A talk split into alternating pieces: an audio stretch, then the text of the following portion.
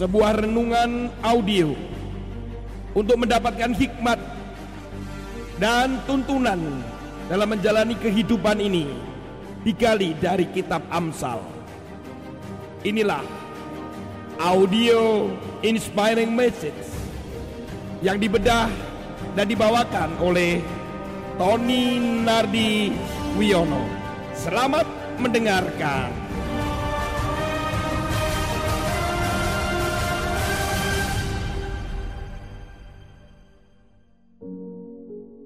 Shalom Bapak Ibu sekalian. Selalu ada kabar sukacita dan selalu ada harapan.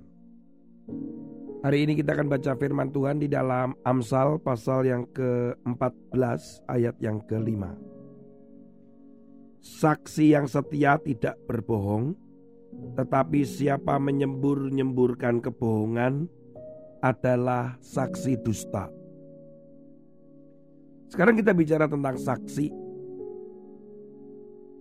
Di dalam dunia pekerjaan atau tugas daripada HRD atau Human Resource Development atau ya biasa dikenal dengan personalia begitulah sederhana. Di mana itu adalah dunia pekerjaan yang istri saya dan saya geluti selama beberapa tahun di dunia persilatan di dunia kerja ya saudara adalah menanyakan referensi ketika seorang calon karyawan melamar pekerjaan di perusahaan di mana kami bekerja. Ketika surat lamaran itu ada di tangan kami, kemudian kami memanggil calon karyawan, calon karyawan akan menulis kembali biodatanya dan di situ akan ada kolom di mana siapa referensi kamu. Siapa saja boleh ditulis kecuali keluarga kandung. Biasanya begitu.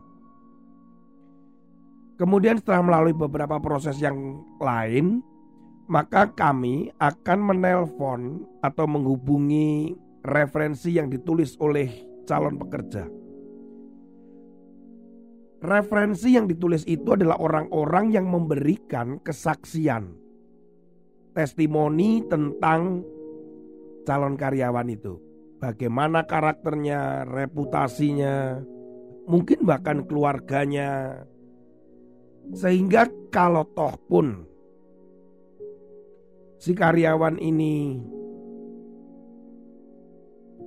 lolos dalam berbagai tes, tetapi ketika referensi yang ditulis atau orang yang menyaksikan itu tidak memberikan rekomendasi atau ada reputasi tertentu yang buruk, maka bisa saja kami memutuskan untuk tidak menerima dia menjadi karyawan di perusahaan kami.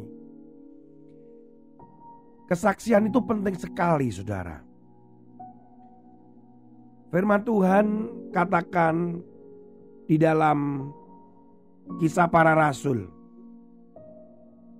ayat 1 sampai 8. Tetapi kamu akan menerima kuasa kalau Roh Kudus turun ke atas kamu dan kamu akan menjadi saksiku di Yerusalem dan di seluruh Yudea dan Samaria dan sampai ke ujung bumi. Ini ayat kita sering dengar, kita sering baca. Ketika Roh Kudus turun ke atas kita, maka kita menjadi saksi Kristus. Menjadi saksi Kristus itu bukan hanya di tempat terdekat atau lingkungan terdekat, tapi sampai ke ujung bumi. Artinya ya di mana saja kita pergi. Saudara kekasih di dalam Tuhan, seorang saksi itu harus mengenal yang akan disaksikan. Siapa? Seorang saksi yang dikatakan di dalam kisah para rasul itu adalah Yesus. Kita akan menyaksikan perbuatan, pekerjaan, janji, perkataan yang itu adalah penuh kuasa, itu semua tentang Yesus. Bagaimana kita bisa memberikan kesaksian kalau kita tidak pernah mengenal dan dekat dengan Yesus? Impossible, gak mungkin. Syarat pertama menjadi saksi. Syarat pertama menjadi saksi adalah saudara dan saya ada kedekatan dengan Yesus. Kita punya pengalaman bersama dengan Yesus. Kita mengenal perkataan-perkataannya lewat firman Tuhan. Kita juga mengetahui sifat-sifatnya. Kita tidak akan pernah memberikan kesaksian dengan benar apabila kita tidak pernah mengenal dengan benar siapa yang akan kita saksikan. Kita mau berbicara apa kalau kita tidak mengenal Yesus?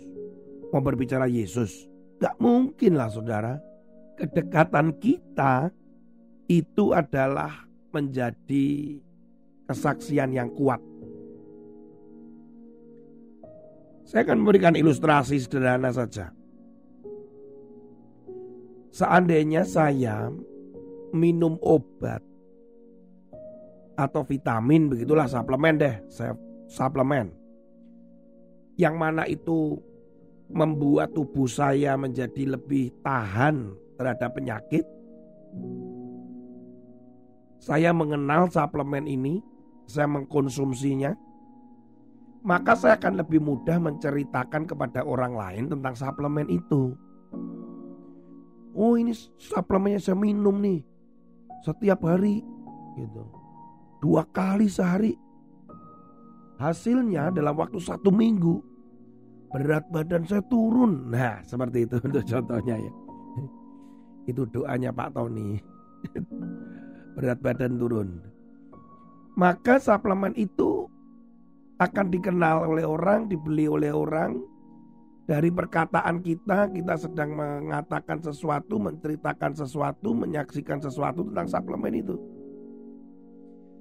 Kembali lagi kepada Kristus. Kalau kita tidak pernah mengalami Kristus, kita tidak pernah hidup di dalam Dia.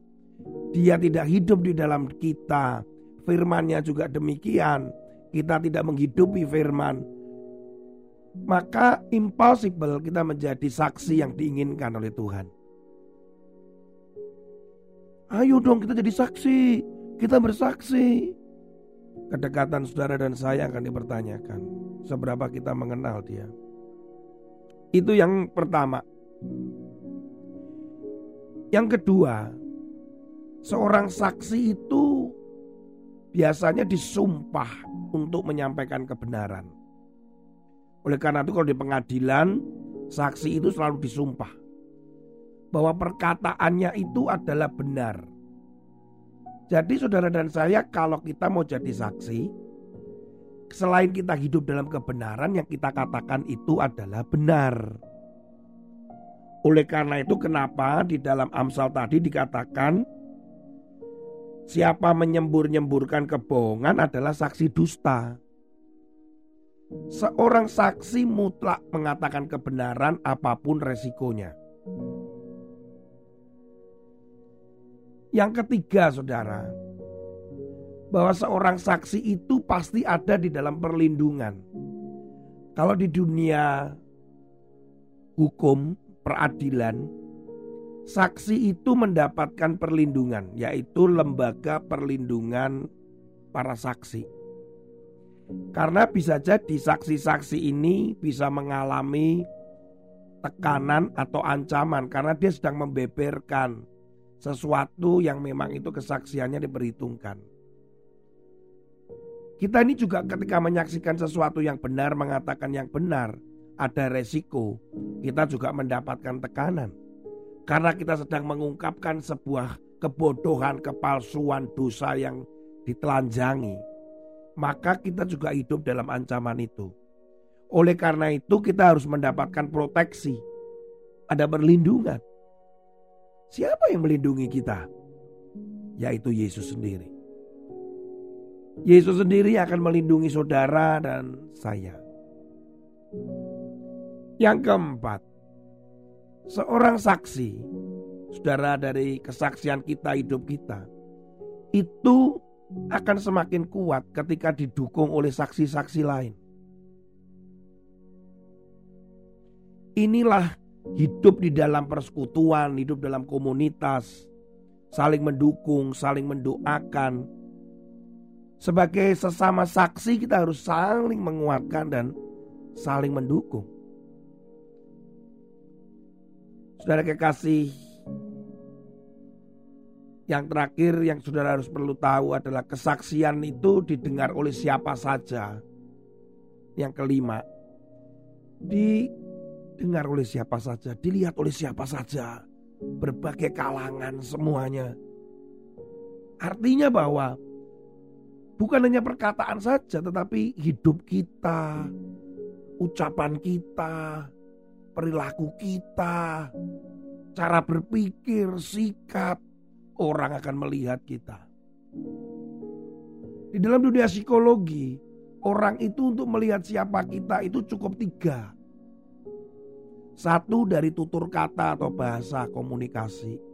Yang kedua itu dari perilakunya. Yang ketiga itu sikap. Di mana penampilan itu juga ada di dalam sikap ini. Orang itu hanya pada pandangan pertama atau sekilas melihat seseorang, tiga hal ini yang akan diperhatikan perkataannya, sikapnya, perilakunya, penampilannya. Dengan kata lain bahwa kesaksian kita ini, hidup kita ini juga dilihat oleh orang, disorot oleh orang. Dikatakan bahwa orang banyak akan melihat saudara dan saya. Apakah saudara siap untuk menjadi saksi? Banyak orang, Pak saya nggak siap jadi saksi. Sampai kapan? Karena saya nggak dekat dengan Tuhan Pak. Saya belum bisa menyampaikan kebenaran Pak. Saya juga takut Pak masih nanti kalau ada ancaman. Saya belum punya rekan-rekan saudara seiman yang mendukung kesaksian-kesaksian ini Pak. Saya malu Pak banyak, banyak orang banyak yang akan menyaksikan saya dari perilaku dan hidup saya. Saudara, firman Tuhan katakan di dalam kisah para rasul tadi 1 ayat 8 itu perintah. Kalau Roh Kudus turun ke atas kamu, ke atas saudara dan saya, maka saudara dan saya mau tidak mau, siap tidak siap menjadi saksi. Jangan sampai iblis mengintimidasi kita atau mengancam kita sampai pada titik di mana kita akhirnya enggan dan tidak mau untuk bersaksi. Itu kemenangan dari si pihak iblis yang selalu menuntut, yang selalu mencari kesalahan, yang selalu memporak-porandakan rencana Tuhan. Maka kita harus berangkat dan berdiri sebagai saksi. Tuhan Yesus memberkati saudara. Siaplah menjadi saksi Kristus. Haleluya. Amin. Satu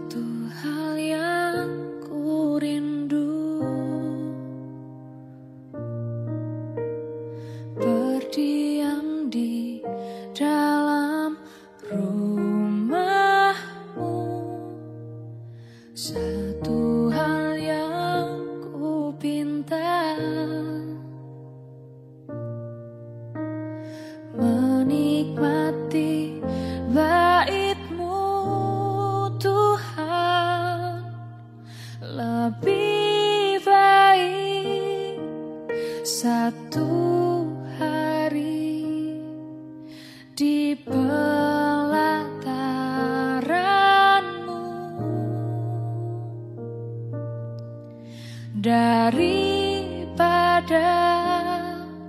seribu hari di tempat lain.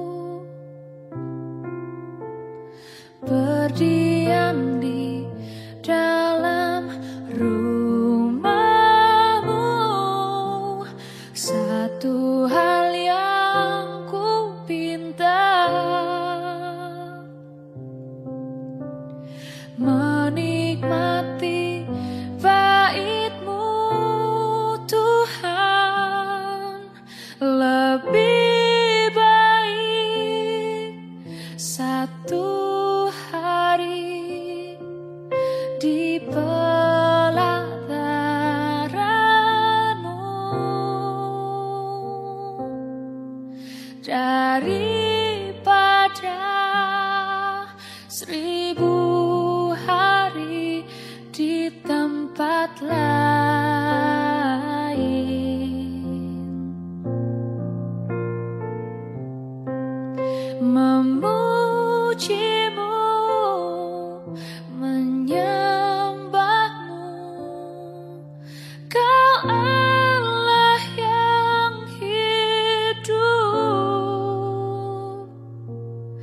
Dan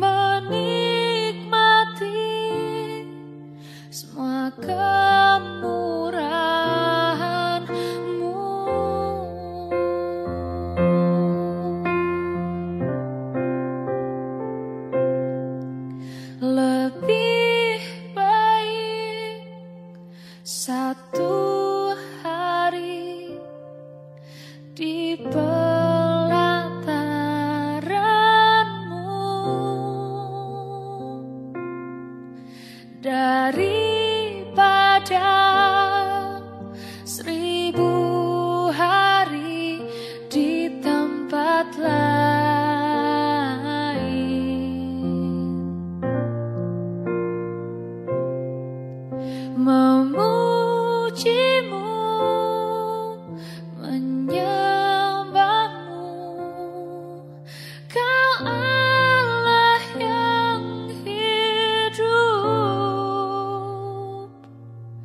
done.